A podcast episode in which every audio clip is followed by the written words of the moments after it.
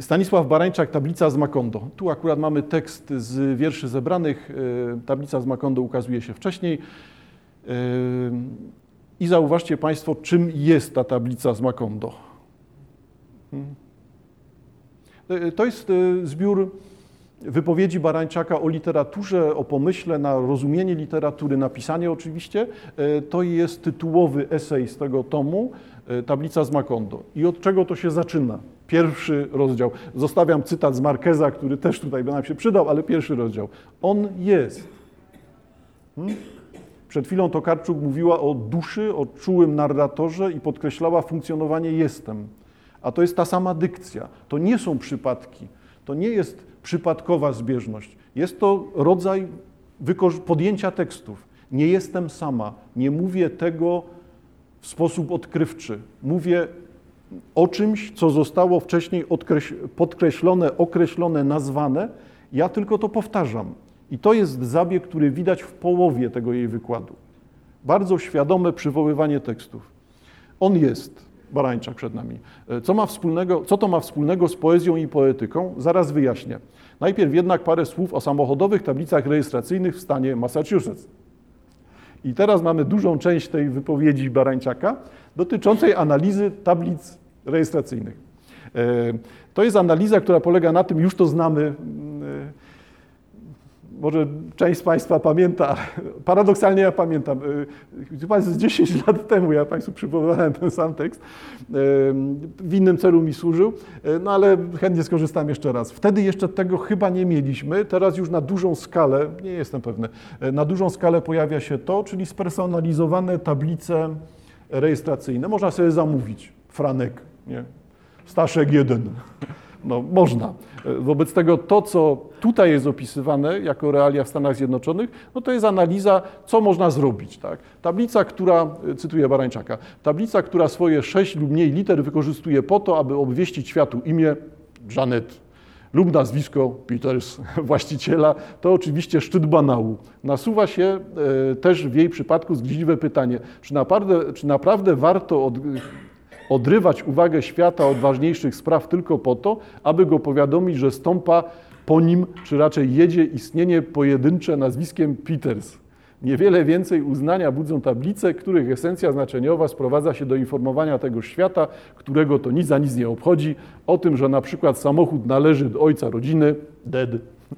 Wynika z tego co najwyżej, że rodzina ma w garażu drugi samochód z tablicą mam. E, co jest już krańcowym przykładem zmarnowania 40 dolarów i zarazem obrażania inteligencji większości bliźnich, że samochód jest samochodem i należy do swojego właściciela. My car. No to, to jest zbiór zabawnych przykładów. Tylko co robi z tym Barańczak? To jest tak znany tekst, że no na, na 200% wiem, że stoi na półce u Tokarczuk po prostu, bo, bo nie może nie stać.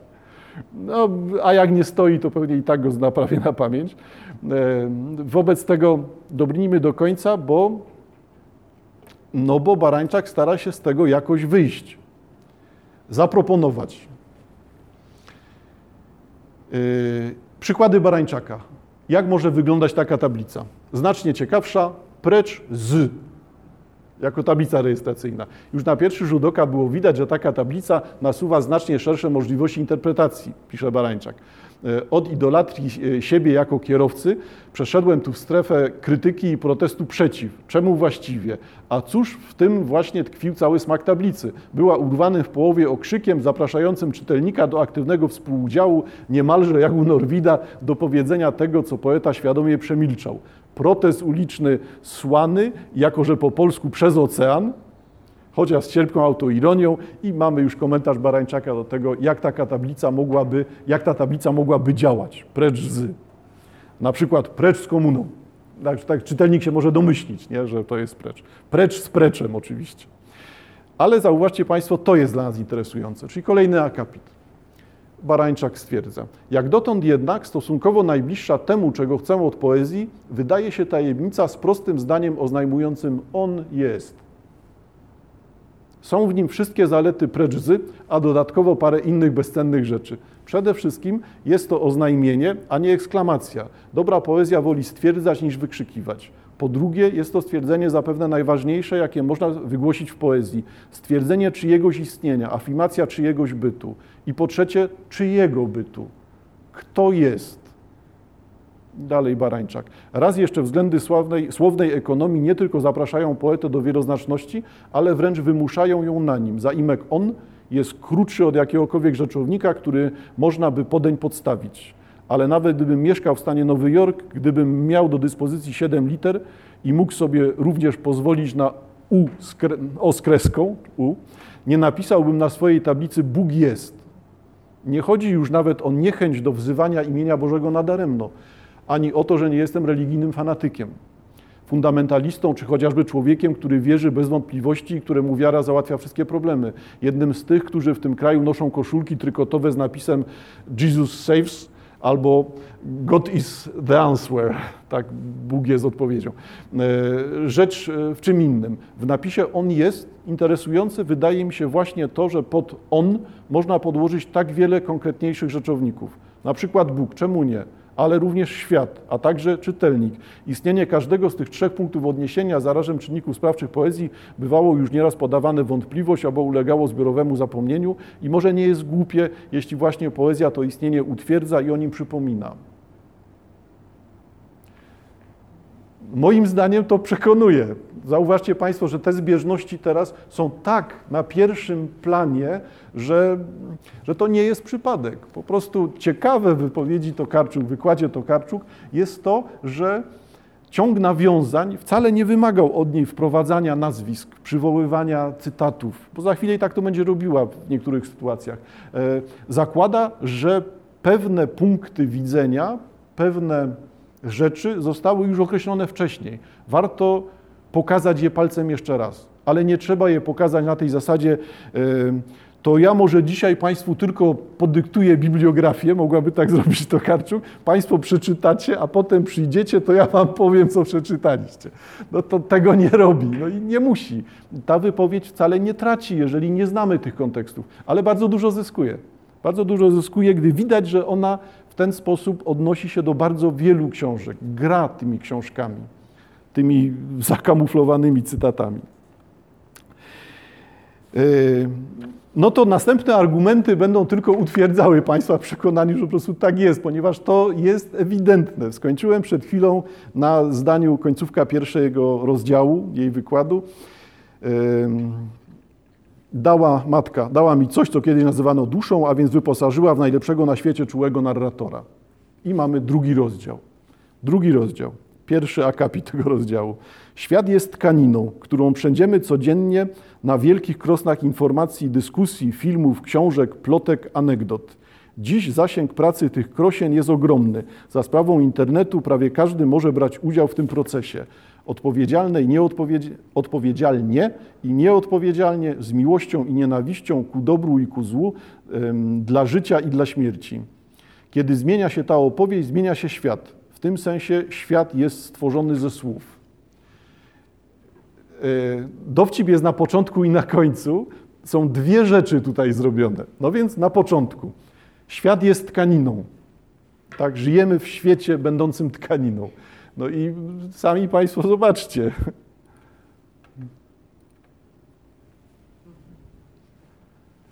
To nie są przypadki. To jest rodzaj bardzo dowcipnej, bardzo jakby porywającej, dla mnie ciekawej, dla mnie gry, tej, tego, tego sugerowania, kamuflowania cytatów, przywoływania tekstów ukrytych pod spodem, albo dawania do zrozumienia, że ja teraz właśnie puszczam oko, że mówię o, o, czymś, co mieści mi się w głównym toku, ale mówię tak naprawdę o czymś, co już było powiedziane, co pojawia się w innych tekstach. Mamy przed sobą wiersz Zbigniewa Herberta, tom Epilog Burzy, chwilę przed śmiercią Herberta, e, wiersz Tkanina. Przez niektórych krytyków wiersz uważany jest za wiersz zamykający, no bo on ma też taką tonację, taką końcową. To ma być ten epilog, który tutaj zabrzmi. E, Zbigniew Herbert Tkanina. Burnici, wąskie palce i krosna, wier... krosna wierności. Oczekiwania ciemne flukta. Więc przy mnie bądź pamięci krucha, udziel swej nieskończoności Słabe światło sumienia, stuk jednostajny, odmierza lata, wyspy, wieki. By wreszcie przenieść na brzeg niedaleki czółno i wątek osnowy i całun. Hmm? E, zasugerowałem Państwu już pierwsze odczytanie, czyli pierwsze odczytanie jest takie, jak padło, finał. Całun jest ostatnim słowem, które tutaj brzmi. Wiersz dotyczy odchodzenia gdzieś, w ciemność, załóżmy, bo słabe światło, bo wcześniej bór, bo przywoływana nieskończoność i brzeg, do którego przy tym czółnem zmierzamy. Bardzo wielu ludzi pisało o tym tekście, wiersz jest bardzo znany. Robiła to oczywiście Opacka Walasek, naj, najbardziej chyba, najczęściej przywoływane nazwisko e, w kontekście poezji Herberta. E, dlatego tylko zarysowuję dwie rzeczy. Tekst możemy przeczytać, muszę trzy chyba rzeczy zarysować. E, tekst możemy przeczytać jako tekst w realiach greckich, i te proste realia greckie, no pewnie Państwo widzicie tutaj chociażby. Hmm. Charon przeprawiający dusze, przeprawiający dusze zmarłych przez Styks. Aby osiągnąć zaświaty, dusza musi w łodzi przebyć Styks i wtedy w tych wierzeniach greckich ma pojawić się w zaświatach. Ten ciąg grecki w kolejnym argumencie się pojawia, ponieważ bardzo często komentarzem do tego, co widzimy tutaj, burnici, wąskie palce, krosna wierności, oczekiwania, ciemne flukta. Hmm? E, bardzo częsty komentarz do tego to jest wskazanie na postać Penelopy. Przypominacie sobie Państwo, e, Penelopa wiernie oczekująca na powrót Odyseusza, tak to przynajmniej jest tradycyjnie rozumiane. Nie, nie, drążmy tego, nie będzie nam to potrzebne. Krosna e, pojawiają się w końcówce tej opowieści, ponieważ Penelopa, żeby wytrwać w wierności, przesunąć decyzję o kolejnym zamążpójściu, decyduje się na to, że ona zrobi to, podejmie tą decyzję, jak już skończy tkać specjalną tkaninę, którą jako tam dar przewidziała szczegóły nie tutaj. E, wobec tego ten tekst może być tekstem o Penelopie, Penelopie wiernej do śmierci. Może być tekstem o religii greckiej, o systemie wierzeń zakładającym, że tak właśnie jest, ponieważ Państwo zauważcie, że e, tkanie to tkanie z nici. E, podstawa wierzeń greckich to wskazanie na parki, Parki przędą nić ludzkiego życia. Wobec tego parki to są te boginie, które boginie, no trzymajmy się tego, że boginie można by to inaczej nazywać, e, można by je inaczej nazywać, e, przędą te nici i od nich zależy, jak długa jest ta nić, jak gruba jest ta nić i kiedy się ta nić w końcu przerywa. To wszystko jest w ich gestii. Wobec tego, czy to są parki, czy to jest Penelopa, czy to jest religia grecka, tak, jak najbardziej to tutaj jest widoczne, bo taki jest urok Herberta. Herbert pisze, no akurat nam bardzo odpowiada dzisiaj, ze względu na to, że to właśnie, co czytamy, no to jest przykład tego, o czym wspominałem, intertekstualizmu. Herbert pisze jednocześnie w kilku tonacjach jednocześnie wybiera kilka płaszczyzn, a my patrzymy jak gdyby na trzy różne obrazy na szybach, tylko widzimy je jednocześnie. Jednocześnie widzimy Penelopę, jednocześnie widzimy e, parki Moiry, jednocześnie widzimy e, ten ciąg wierzeń, wartości greckich, opowieść o Odyseuszu w tle, no wszystko to jest naraz. A żeby było jeszcze ciekawiej, to widzimy w tym biografię tak się stało, że to jest ostatni tom Herberta, że to jest rodzaj podsumowania jego życia. Rozumiecie Państwo, to jest ten sam punkt, co Mickiewiczowskie polały się łzy meczyste, rzęsiste. Też Państwo zauważcie, że Mickiewicz pisze kilka wersów, nie, zamykających całą tą jego twórczość. Znaczy, oczywiście, że żyje i działa jeszcze długo, no ale zamyka twórczość literacką, krótkim bardzo tekstem. E, tutaj mamy też tekst bardzo krótki to przynajmniej niewiele dłuższy od tego Mickiewiczowskiego. Wobec tego pomysł jest bardzo podobny, czyli w tym ciągu greckim widzimy też biografię samego twórcy, a, a może nie w tej kolejności, tylko wcześniej mogłem wspomnieć, że tutaj widać przecież ten ciąg jak najbardziej biblijny. Czy on jest biblijny, czy chrześcijański, jak chcemy, no ale to jest ten sam ciąg skojarzeń. Te same zapisy dotyczące ciemności, tak, chociażbym szedł ciemną doliną, zła się nie ulęknę. No to, to jest to samo, no to jest to ciemność boru, y, ciemność, która nas zalewa, otacza, przytłacza, flukta, które tu się pojawiają. to, że nie radzimy sobie z pamięcią, zmierzamy do nieskończoności, to wszystko da się też rozumieć w kontekście nie greckim, tylko właśnie biblijnym. Słabe światło sumienia, stuk jednostajny. Niech wasze słowo będzie tak, tak, nie, nie. Ten stuk jednostajny. To się pojawia oczywiście we wcześniejszych wierszach Herberta też to samo definiowanie sumienia, że to jest ten stuk, który ma się pojawiać. Macie być tacy sami, macie być wierni sobie, bo przed wami brzeg niedaleki, czółno, wątek osnowy, całun. A teraz odkładamy to wszystko na bok, to co powiedziałem, bo to Karczuk. Świat jest tkaniną, którą przędziemy codziennie na wielkich krosnach informacji. Bardzo malownicza metafora, cały świat się nagle pojawił w jednym miejscu. E, żeby zrozumieć samą metaforę, zauważcie Państwo, że to, że świat jest tkaniną, to znowu jest to mrugnięcie okiem Tokarczuk, która mówi: Przecież ja opowiadam tekstem, mówię do Was słowami. Tak naprawdę cała ta wypowiedź jest wypowiedzią o literaturze. No przecież nie jest o ekonomii ta wypowiedź. No, to jest wypowiedź o literaturze, o tym, czym jest tekst. Za chwilkę znowu to będzie bardzo mocno widoczne. Wobec tego to, co tutaj widzimy, wiersz Herberta Tkanina, to jest wiersz o tekście. O tym, czym jest literatura, na czym polega to, że pojedyncze słowa, które mają takie umowne znaczenie, czy takie jasne znaczenie, jak poskładamy je razem, utkamy te słowa, jak pojawi się i osnowa, i wątek, i te słowa będą połączone razem, to nagle pojawia się taki ciąg znaczeń, to nagle pojawia się taka głębokość, rezonans, ta synergia, o której wspominałem. No, jak Państwo to chcecie nazwać? Bo zauważcie Państwo, że to jest konsekwentnie o pisaniu wiersz. Ten stuk jednostajny to wcale nie musi być sumienia. To jest stuk jednostajny, mówimy jednak o tradycyjnym sposobie pisania, mechaniczna maszyna, stuk jednostajny maszyny. Odmierza lata, wyspy, wieki. To jest to, co jestem w stanie nazwać, to, co jestem w stanie napisać. Hmm? To, co po mnie pozostanie, to pozostanie po mnie wątek, osnowa i ten tekst, który jest moim całunem. Tylko to po mnie pozostaje. Tak? Exegi monumentum. Pomnik wzniosłem sobie twardszy niż ze spiżu. No, mamy to samo. Co pozostanie? No, zostanie tylko to, co zdołam utkać. Tylko ten tekst. No, wobec tego to jest pisanie, to jest komentarz też do samej literatury, do poezji. E, wcześniej cytowałem Barańczaka. Barańczak przecież nie pisze żartów, co należy umieścić na tablicy rejestracyjnej, tylko robi bardzo zwięzły wykład na temat tego, że literatura jest sztuką rezygnacji i selekcji. To, co ja robię dzisiaj, to nie jest literatura, ponieważ posługuję się taką ilością E, informacji i odwołań, że to zdecydowanie nie jest literatura. Ja z niczego nie rezygnuję. Mówię o tym, w jaki sposób te teksty się łączą.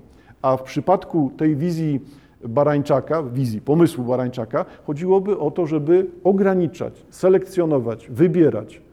Bardzo ciekawe teksty Barańczaka, już nie na dzisiaj, bardzo ciekawe teksty Barańczaka to są te teksty, kiedy on pisze przyjmując wyraźne ograniczenie. W tym tekście nie będzie ż. Wszystkie słowa nie mogą mieć litery ż. Wszystkie słowa mają zaczynać się na p. Nie ma żadnych innych w tekście. To jest rodzaj gry, ale gry, która polega na tym, że trzeba przyjąć ograniczenie. Najlepsze teksty to są te teksty, które są krótkie, zwięzłe. Wiersz Mickiewicza Polały się łzy czyste, rzęsiste uchodzi za jego najlepszy wiersz. Ma pięć linijek, z czego dwie się powtarzają no, a uchodzi za najlepszy. Podobnie jest i tutaj. Może to rzeczywiście jest najlepszy tekst Herberta, tkanina. Może to wystarcza, może tu po prostu jest wszystko charakterystyczne dla Herberta. Może tak być. E, wobec tego świat, świat sprowadza się do tekstu. Świat jest tekstem. Jest tym takim graniem ze znaczeniami. Zabrzmiało bardzo poważnie, a w rzeczywistości to, co przed chwilą powiedziałem, jest też stwierdzeniem niemocy. I co z tego? w jaki sposób tekst wpływa na świat. To, co się mówi, to oznacza, że się wpływa na świat, czy się nie wpływa na świat. Mówi, pisze już jak chcemy, bo może jednak nie, może to wszystko jest zapisem bezradności. Hmm? Czy to jest, czy jest w tym jakiś optymizm? Ciężko rzec.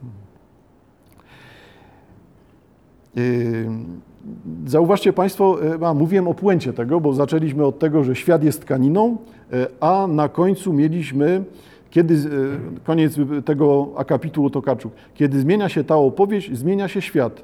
W tym sensie świat jest stworzony ze słów. Też brzmi dość w oczywisty sposób, sam to powiedziałem przed chwilą, tak, że to jest wszystko tekstem. No dobrze, tylko tyle, że może zbyt oczywisty sposób to brzmi.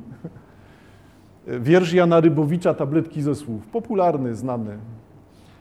Kogo, e, kogo nie boli, ten nie pisze wierszy, bo po co? Wiersze piszą ci, których boli, tak jakby mogły one zmienić cokolwiek. Wiersze piszą ci, których zawiodły wszystkie przeciwbólowe środki. A więc wiersze to dla nich uśmierzające tabletki ze słów. Trudno powiedzieć, co dokładnie boli poetę w którym miejscu. Ból ten jest podobny do bólu nogi faceta, któremu nogę amputowano. Pisanie wiersza to wysiłek poruszania tą odciętą nogą. I wyżej mamy to w środku wiersza. Wiersze to dla nich uśmierzające tabletki ze słów. I tu jest ten sam kontekst. Świat jest stworzony ze słów i te słowa mogą mieć taką funkcję. Tylko czy te słowa ratują, czy są tylko środkiem przeciwbólowym. E, to, co Państwu teraz pokazuję, to jest e, zbiór ukrytych u Tokarczuk pytań. Ona rozumie, że to, co proponuje, jest dalej tylko propozycją, jest sugestią, jest otwarciem czegoś. Natomiast odpowiedzi nie da się z tego wyjąć recepty. Zastosujcie to, co mówi Tokarczuk, a świat będzie lepszy. Nie. Po pierwsze, nie wiadomo, czy to się w ogóle da zastosować. Czy sensowny jest pomysł na wiarę w to, że słowa zmieniają świat? Nie wiem. Może jednak to, to nie, nie, na tym polega, że tego nie da się w ten sposób zrobić. Nie da się tak prosto w to wierzyć, tak, że słowa zmieniają świat. E, jeżeli nawet słowa miałyby tylko nas chronić przed bólem, to i tak byłoby bardzo dużo, ale dalej pytanie jest to samo. Może to jest nieprawda, nie? może to nic nie daje, może to jest tylko zbiór złudzeń. Kto wie. Yy, zauważcie Państwo, no to ciąg dalszy tej wypowiedzi, to co przywo- wypowiedzi Tokarczuk, to co ona przywołuje. Yy, pojawia się taka propozycja u niej, to co myślimy o świecie, Tokarczuk, yy, co chyba najważniejsze, jak o nim opowiadamy, ma więc olbrzymie znaczenie. Coś, co się wydarza, nie zostaje opowiedziane, przestaje istnieć i umiera. Hmm? Coś, co się wydarza, a nie zostaje opowiedziane, przestaje istnieć i umiera. I to nie jest nigdzie napisane tutaj, a napisane w podtekście, napisane w tych białych przestrzeniach między znakami e, brzmi to, co niewypowiedziane zmierza do nieistnienia. To, co niewypowiedziane zmierza do nieistnienia, a to Karczuk, coś, co się wydarza, nie zostaje opowiedziane, przestaje istnieć i umiera. To, co niewypowiedziane zmierza do nieistnienia, to jest miłość. Miłosz w tomie Hymn o Perle pisze taki wiersz, czytając japońskiego poetę Issa i od tego ten wiersz się zaczyna, od tego właśnie stwierdzenia. To, co niewypowiedziane, zmierza do nieistnienia. Jeżeli czegoś nie powiem, tego nie ma. Nie, ma, nie istnieje to, czego nie jesteśmy w stanie ująć w języku. Tylko ja Państwa nie przekonuję do, do stwierdzeń Miłosza, bo one moim zdaniem też są dyskusyjne. Też nie można w to wierzyć. No, czy tak rzeczywiście jest? Czy to, co niewypowiedziane, nie istnieje? Śmiały ruch. Nie, nie przekonuje do tego, bo rozumiem w tym raczej pewną tezę prowokującą nas, zmuszającą do tego, żeby pomyśleć. W takim razie, czy istnieje to, czego nie jestem w stanie nazwać? Jeżeli powiemy, że nie istnieje, to jednak bardzo dużo obcinamy. Bardzo dużą stratę tutaj widać. No, świat jest szerszy od języka. Świat jest większy od osoby, która poznaje ten świat. To, co jest nienazwane dla tej osoby, czego ona nie jest w stanie nazwać, wcale nie oznacza, że nie istnieje. Ale refleksja ma prowokować tutaj. E, odwołuje się Miłosz, już wspominałem wcześniej, że u Miłosza pojawia się taki wątek wyraźnie e, fascynacji japońskością i tu się wprost pojawia w tytule, że to jest czytając japońskiego poetę Issa, przekształca mm, pomysły japońskie tutaj Miłosz. E, wobec tego tam raczej trzeba patrzeć na to w drugą stronę. E, to, że to, co niewypowiedziane zmierza do nieistnienia, nie jest wcale stratą. Inaczej trzeba by to rozumieć. To, że zdaję sobie sprawę z tego, że świat jest ode mnie większy, buduje ten świat, a nie, nie tracę go przez to. Hmm można zobaczyć to w prostszych e, miejscach czy w prostszych sytuacjach. E, pamiętacie Państwo klasyczny ogród japoński, taki ogród zen, znacie na pewno z ilustracji czy z filmów. Trzy kamienie, żwir, zagrabiony żwir. Jakieś mchy tam na tych kamieniach mogą rosnąć, jak same wyrosną. Hmm? E, I tam są rzeczy, które są właśnie niewypowiedziane. I tutaj poczucie nieistnienia jest wartościowane pozytywnie, to jest w inną stronę. Także Miłosz, przywołując te japońskie rzeczy, prowokuje, stara się coś wywołać w czytelniku, ale to nie oznacza, że można go tak traktować na zasadzie cytatu, tak? że, że skoro nie jestem w stanie wyjaśnić, na czym polega nieśmiertelność duszy, to oznacza, że nie ma nieśmiertelności duszy. Nie, no to za prosto. Zresztą w tej poetyce takiego umiaru, ograniczenia, wyrzekania się, to co widzieliście Państwo przed chwilą u Barańczaka, to na co wskazuje teraz u Miłosza, jest chyba podobna refleksja. Nie, nie obejmiesz wszystkiego, nie zjesz wszystkiego, nie doświadczysz wszystkiego. To nie, nie o to chodzi, żeby się starać nawet to robić. Masz zrozumieć, że tego nie jesteś w stanie zrobić i to będzie wartością. Nie musisz uczestniczyć we wszystkich wydarzeniach na świecie, one się dzieją poza tobą. Uczestnicz w tym, co masz w tej chwili, w której żyjesz. Zaczynamy uprawiać filozofię, za niedługo zaczniemy siedzieć i uprawiać jogę. Zmieńmy zagadnienie. Yoga to nie dzisiaj. Ale cóż.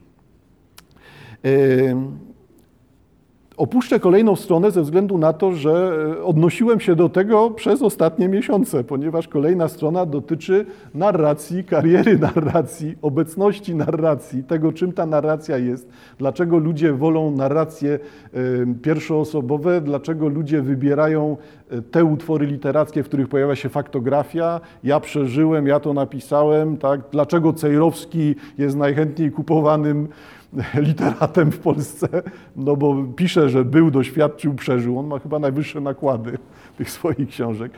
No to do tego odnosi się, e, odnosi się też e, Tokarczuk.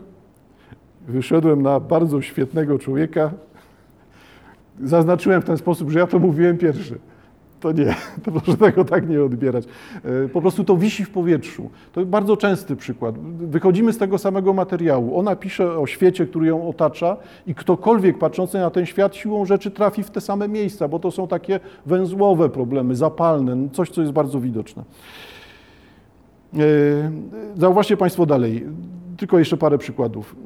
E, kiedy odwiedzam targi książki, pisze Tokarczuk, widzę jak wiele wydawanych książek dotyczy właśnie tego autorskiego ja Instynkt ekspresji, może równie silny jak inne instynkty, które projektują nasze życie, najpełniej objawia się w sztuce. Y, I mamy cały akapit o autorskim ja. A przecież tutaj Tokarczuk jeszcze raz przypomina, że to zostało zrobione. To są dzienniki Gombrowicza. Dzienniki Gombrowicza rozpoczynają się od, w rozdziałach teraz leci, rozdział ja, ja, ja. To są całe rozdziały. Cytuję całe rozdziały teraz. No to jest akcent, pierwsza strona dziennika Gombrowicza pokazująca to samo. Ekspresja autorskiego ja. To jest książka o mnie, mój punkt widzenia, moje doświadczanie świata.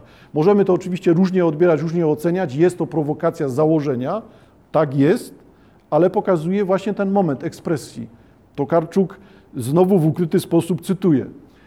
A żeby nie było tak skromnie tym razem, no to z kolei w tym samym akapicie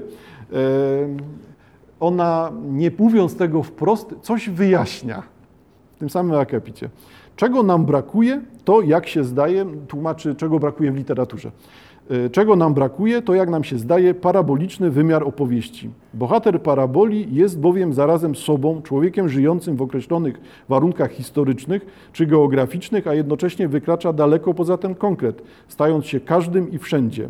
Kiedy czytelnik śledzi czyjąś historię opisaną w powieści, może utożsamiać się z losem opisywanej postaci i rozważać jej sytuację jako swoją. W paraboli zaś każdy musi zrezygnować zupełnie ze swojej odrębności i stać się każdym. Dużej litery. E, w tym wymagającym psychologicznie zabiegu parabola, znajdując, się, znajdując dla różnych losów wspólny mianownik, uniwersalizuje nasze doświadczenie, a jej niedostateczna obecność jest świadectwem bezradności. I o czym tak naprawdę ona mówi? Tłumaczy swoją poetykę.